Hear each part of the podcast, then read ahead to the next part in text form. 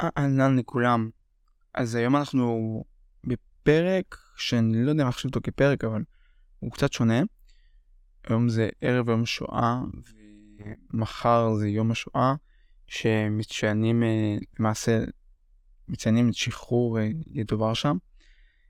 וחשבתי לעשות איזשהו פרק שונה, מהסיבה הפשוטה שאנחנו תמיד מתייחסים להרפתקאות כמשהו שהוא אה, נורא חיובי. ונכון, יש, יש באמת צדדים חיוביים להרפתקאות. הרפתקאות תמיד נצטרות בפנינו כמשהו של ללכת עכשיו לטפס על איזשהו הר, או לעשות איזה חוויית אקסטרים, או איזושהי אטרקציה, או איזה טיול מטורף, וזה דברים שמאוד מאוד חיוביים. אבל אני חושב שזה סוג של 50-50, כי הרבה מאוד אנשים עברו בחיים שלהם חוויות והרפתקאות שהם לא בעל כורחם, זאת אומרת, הם לא בחרו לחוות את זה והם לא הלכו לזה במטרה של להוציא מזה משהו טוב, אלא זה משהו שנכפה עליהם כוח הנסיבות, והם היו צריכים לעבור את ההרפתקה הזאתי, שהיא הרבה פעמים מאוד מאוד שלילית. החלטתי להקליט את הפרק הזה ולהעלות את העדות המשפחתית שלי, אה, שזה, אני חושב שזה משהו מאוד חשוב כדי לשמר את הזיכרון, כי לצערי הרב, כל הצד הזה במשפחה שלי ש... היה בשואה, וחלקם שגם נספו, כבר נפטרו, וגם כל הזמן מדברים על זה, לא רחוק היום, אבל לא יהיו יותר ניצולים שידברו על זה בגוף ראשון, ולכן אנחנו צריכים לדבר על זה בגוף שלישי, גם אם זה הדור השלישי או הרביעי שאחרי השואה. לא הרבה יודעים, אבל אני, למרות החזות שלי, אני גם, יש בי חלק שהוא אה, אירופאי, אני בעצם, סבתא שלי מצד אימא היא אוקראינית, כן, בלונדינית, עיניים כחולות, אה, גם רווקה, אם יש לכם איזה סבא רווק שרוצה סתם. אה, אז ככה, יש לי באמת צד אשכנזי יותר במשפחה, שהוא שונה לחלוטין מהצד השני שלי, יש בי חצי עיראקי גם, הפכים מוחלטים, ואני חושב שזה יוצר את כל היופי. ונתחיל שנייה את הסיפור, מקווה שזה לא יהיה ארוך מדי, אבל זה כן חשוב לי להגיע לנקודות המרכזיות. לא יודע אם זה סיפור קלאסי, כי יש פה הרבה מאוד נקודות uh, שונות שהפתיעו אותי, ולצערי הרב, פגשתי את סבתא, זה הסיפור הוא על סבתא רבתא שלי, ואני, שאר המשפחה שלה, פגשתי אותה והיא נפטרה כשהייתי בכיתה ג' אני חושב, אבל בתור ילד אתה לא, אתה לא באמת מבין, אתה לא יודע מה לשאול, ולא שמעתי את הסיפור הזה ממנה. חלק מהסיפור גם סיפר אחיה, רק כשהיה את השבעה אה, לאחר שהיא נפטרה. ואז בעצם הושלמו לנו כל הפרטים והתמונה המלאה של הסיפור. הסיפור מתחיל בעיר בוריסלה בפולין. אנחנו מדברים על התקופה שלפני המלחמה. הייתה משפחה יהודית ממוצעת, חמישה נפשות, אה, של, שלוש בנות ו... שלוש בנות, שלושה בנות ושני בנים. אה, משפחה קלאסית, רגילה. סבתא שלי, סבתא רבתא שלי, קוראים לדורה, הייתה כחלק מתנועת הנוער של הגודיינה אה, שם באותה תקופה בפולין, וכאשר פרצה המלחמה היא החליטה להתגייס לצבא האדום ושימשה כנהגת משאית שמובילה פגזים ותחמושת לחזית.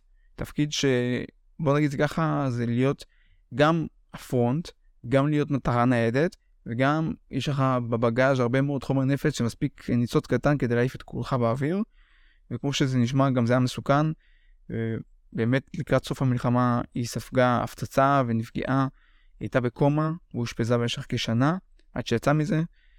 גם עד uh, יום האחרון היה לה צלקת משמעותית על החזה, חלק מסוים מהפנים שלה היה משותק והיה לה איזה עיוות כזה בגלל זה, אבל בסופו של דבר היא שרדה את זה ונראה את ההמשך.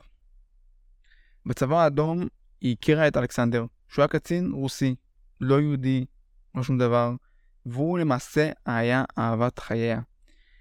מיד אחרי סוף המלחמה, הם היו ביחד, חזרו לעיר הולדתה, אה, וגילו שלמעשה כל הבית שלהם ננטש, אין שם שום זכר, מהמשפחה שלה, וגם אין שום ריהוט, שום דבר, כל הפריטים, הם היו משפחה יחסית במעמד טוב, כל הפריטים נעלמו. הם הלכו לשכנים, ואז הם גילו את כל, הרבה מאוד מהפריטים שלהם פשוט אצל השכנים. היא התלבטה אם לקחת חזרה את הפריטים או לא, והחליטה שאין לה, אין לה צורך בזה, היא הייתה מאוד מתוסכלת מהסיטואציה. היא שמעה סיפור שאחותה באה לחפש אותה מאיזה כפר שכן, ופשוט הנאצים תפסו אותה שם וירו בה בבורות הירי. וסורי, זה, זה יהיה גם הפסקות לפעמים בפרק. ואז היא החליטה לעבור למקום אחר, להתחיל new life, דף חדש, נקי. הם עברו לעיר צ'רנוביץ' שהיום היא באוקראינה, ושם באה לעולם סבתי. שוב אנחנו מדברים פה על אלכסנדר, הקצין הרוסי, וסבתא שלי, סבתא דורה, שביחד הביאו ילדה. סבתא שלי באמת נראית אה, רוסיה על כל דבר, יודעת רוסית כחולות, כמו שאמרתי, וסבתא שלי תמיד הייתה אומרת, דורה הייתה תמיד אומרת, שהיא למעשה תווית פניו של אלכסנדר. אלכסנדר היה קצין רוסי, ובאותה תקופה האוקראינים לא אהבו בלשון המעטה את הקצינים הרוסיים שהיו אה, למעשה נגדם בתקופת המלחמה. והוא הגיע לבית חולים, ביקר אותה, הביא לה איזושהי שמיכה רקומה כזאת, זה היה משהו מקובל באותה תקופה. יצא מהבית חולים, ופשוט ברחבת הרחוב שם נרצח על ידי אוקראינים, וככה למעשה נגדעה האבן היחידה הנורמלית והשלמה שהייתה לסבתא שלי, סבתא דורה, בחיים. היא נשארה לבד, בלי משפחה, עם ילדה קטנה שרק נולדה. היא עדיין לא יכולה לעבוד, נזכיר לכם שהיא גם הייתה בפציעה מאוד מאוד קשה. במקום זר, היא לא גדלה באוקראינה, היא גדלה בפולין, הייתה צריכה עכשיו מחדש להתרגל לחיים חדשים, במקום חדש, לבנות את עצמה מאפס. הכירו לה את אהרון, שהיה סנדלר, והיה למעשה גם ניצול שואה, משפחתו וכל אה, ילדיו נספו, פשוט נשאר לבד גם באותה סיטואציה. אז היה פה איזשהו שידוכים של, אה, של טובה כזה, זה לא היה שם באמת אהבה, זה היה פשוט צורך קיומי, שיהיה לך מישהו שיעזור לך להתפרנס ולקלקל, וככה הם למעשה הצליחו לקיים את עצמם. הם כבר תכננו להגר לאוסטרליה, לא היה להם שום מחשבות, לא על ישראל, לא על לעלות לארץ, שום דבר. הם החליטו בכלל ללכת למקום אחר, לאוסטרליה, ואז הם החליטו לפנות למדור לחיפוש קרובים. באותה תקופה זה היה משהו מאוד פופולרי, ברדיו היה מדור לחיפוש קרובים שהיה אפשר לפנות אליו ולהגיד את הפרטים שלך, אני דור ארד, מחפשת את X, אה, גרנו בעיר הזאת והזאת ברוסיה, אה, משרה בפולין. ככה לחפש את הקרובים, כי באותה תקופה לכולם כמעט היה איזשהו קרוב אבוד. מה שהיא לא ידעה, היא כאילו למה היא עשתה את זה בעצם, סליחה, פספסתי את הנקודה, למה היא עשתה את זה? כי יש לה, יש לה בן דוד שקוראים לו צבי, שלפני המלחמה ההורים שלו שלחו אותו אה, לארץ לחגור בקיבוץ, וככה למעשה הוא הגיע לארץ לפני וניצל. אז היא רצה לבדוק שנייה מה איתו ולראות אם הוא עוד בחיים. אז היא פנתה למדור הזה כדי לראות באמת שהוא בחיים, ופרסמה מודעה, אני דור ארד, מחפשת מישהו בשם צבי. מה שהיא לא ידעה, שיש לה אח חרם, שקוראים לו גם צבי, שהצבי הזה דווקא כן שרד, והגיע לארץ, ובארץ אין צבי אחד, יש שני צבי, אחד אח שלה ואחד הבן דוד שלה. מה הסיפור של צבי אחיה? הוא נולד בשם איינריך, ונשאר עם המשפחה אחרי שדורה התגייסה. באחד הימים הוא נשלח להביא לחם, וחלפה לידו משאית של הצבא הפולני, והוא לא חשב פעמיים, פשוט קפץ על המשאית, וככה מצא את עצמו משרת בצבא הפולני. למזלו הוא לא היה נראה יהודי קלאסי, הוא היה ג'ינג'י, עיניים כחולות, וגם היה לו הרבה מאוד חברים נוצרים.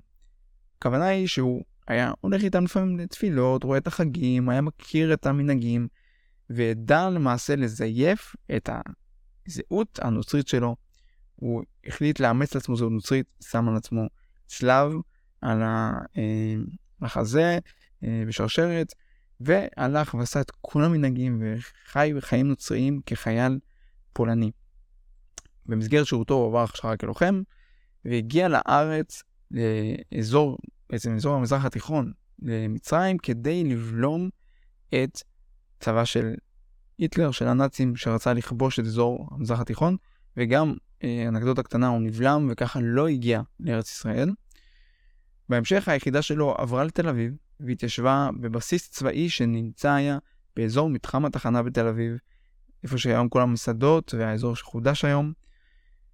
ואז לילה אחד פתאום נפל לו האסימון. רגע, אני יהודי, אני לא נוצרי, ואני נמצא עכשיו בישראל. ישראל זה איפה שכולנו מתפללים תמיד להגיע אליו. ולא רק זה, יש לי פה בן דוד, צבי. הוא גנב אופנוע באמצע הלילה, ופשוט ברח, חיפש את אותו בן דוד צבי, וככה מצא אותו והצליח להתאקלם בארץ. חייב להגיד שיש פה איזשהו אה, דיון קטן על הנושא הזה, בגלל שאני לא שמעתי את הסיפור הזה במקום ראשון, ויש פה איזשהו שתי גרסאות שנשמעו. חלק מהגרסאות טוענות שהוא ברח מהאזור של הגטו, והסתתר ביער, שם הוא חי על צפרדעים וצבים, ומדי פעם איזה חזיר בר שהוא צד, וככה שרד תקופה ארוכה. אחר כך הוא ברח לאזור אחר, עבד שם בחקלאות, אה, קצת הרוויח את לחמו, עד שהוא שמע על הקמה של יחידה פולנית בצבא הרוסי, ואליה הוא החליט להתגייס. יש פה שני כיוונים, ואני חייב להגיד שזה באמת הדגש פה. כי אנחנו לא תמיד יודעים עד הסוף, ואין לנו את מי לשאול. אין לנו את מי לשאול. וזה מאוד כואב וזה מאוד מתסכל שזאת הסיטואציה. וככה אנחנו מגיעים למצב שדור ארת מחפשת במדור חיפוש קרובים צבי. השכנה של צבי אחיה שומעת את זה ברדיו ואומרת לו, שומע איזה מישהי בשם דור ארת, שרת זה לא שם משפחה כל כך נפוץ, מחפשת מישהו בשם צבי. פתאום הם מגלים אחד את השני, פתאום הוא מבין שלא כל המשפחה שלו נספתה, שיש לו עוד יתרה, יש לו את אחותו. הם מחליטים להתאחד. סבתא שלי, אה, סבתא דורה, עם הילדה ועם אהרון עוברים לפולין, שם אה, הם יכלו, סליחה, הם עברו עוד לפני כן, אבל מפולין הם יכלו למעשה לעלות לארץ, הם תכננו לאוסטרליה, הם אפילו, אה, יש כאלה שאומרים שהיה להם כבר כרטיסים, והם מחליטים לשנות את התוכניות, להתאחד עם שאר המשפחה בארץ, עולים לארץ, גרים בפתח תקווה, מקימים משפחה, נולד להם עוד ילדה, וככה המשפחה נהייתה ענפה וענפה, והיום ברוך השם הכינו שורשים בארץ, אנחנו פה, אנחנו חיים פה בגאווה, אז כמה שאנחנו מדברים על נדודים ועל הרפתקאות ולראות עולם, באמת אנחנו צריכים תמיד לזכור שהמדינה הזאת היא לא, לא, ב, לא בחסד, אנחנו נלחמנו עליה, כאילו אנחנו השגנו אותה בדם, ביזע, היה פה דורות, על גבי דורות, שפשוט סבלו, כי לא היה להם מדינה שתגן על עצמה, עליה, עליהם. ולנו, יש את הפריבילגיה הזאת שיש לנו צבא, יש לנו את הזכות הזאת להגן על עצמנו, לשמור עלינו, ולמנוע שדבר כזה לא יקרה יותר. ואם אני מסתכל על המשמעות של יום השואה, זה גם כמובן זיכרון ולהעלות את זכר המשלים, אבל גם להבין שאסור שכזה דבר יקרה לעולם. אני לא מאחל את זה, לא לנו, לא אפילו לאויבים שלנו, ולא לשום עם אחר. זה תמיד אומרים שבעולם הטבע, בעל חיים אחד לא, לא רוצח את הבעל החיים השני בצורה כזאת. בני אדם זה היצור החי הכי אכזרי, שרק הוא יכול לרצוח ולהרוג בני מינו בכוונה ובזדון, בלי איזשהו קטע של הישרדות או איזה משהו כזה. ואנחנו יודעים גם שבתקופת השואה זה לא נעשה סתם, אלא זה נעשה באמת במטרה להכחיד אותנו. אז זה לא פרק קל אני יודע, כמובן אנחנו נחזור עם אה, פרקים אה, יותר אה, חינניים ואנרגטיים, אבל כן היה לי חשוב גם להעלות את זה על הזיכרון וגם להעלות את זה על הקול, כדי שזה יישמע וזה ימשיך עד מבחינתי מכאן והלאה. ניסיתי גם לעשות את זה קצר כמה שאפשר. אז אני רוצה לנצל את הבמה הזאת ולהגיד יהי זכרם ברוך, שכל ששת המיליונים שנספו, משתתף באמת בצער כל המשפחות, כל מי שיש לו איזשהו קרוב. כמובן, אם אתם רוצים לשתף או לספר על כל סיפור שלכם, מוזמנים, אני תמיד פה. אוהב אתכם, ויאללה, נתראה בפרקים הבאים, קצת אנרגיות חיוביות יותר, דברים טובים על הלב. ביי בינתיים.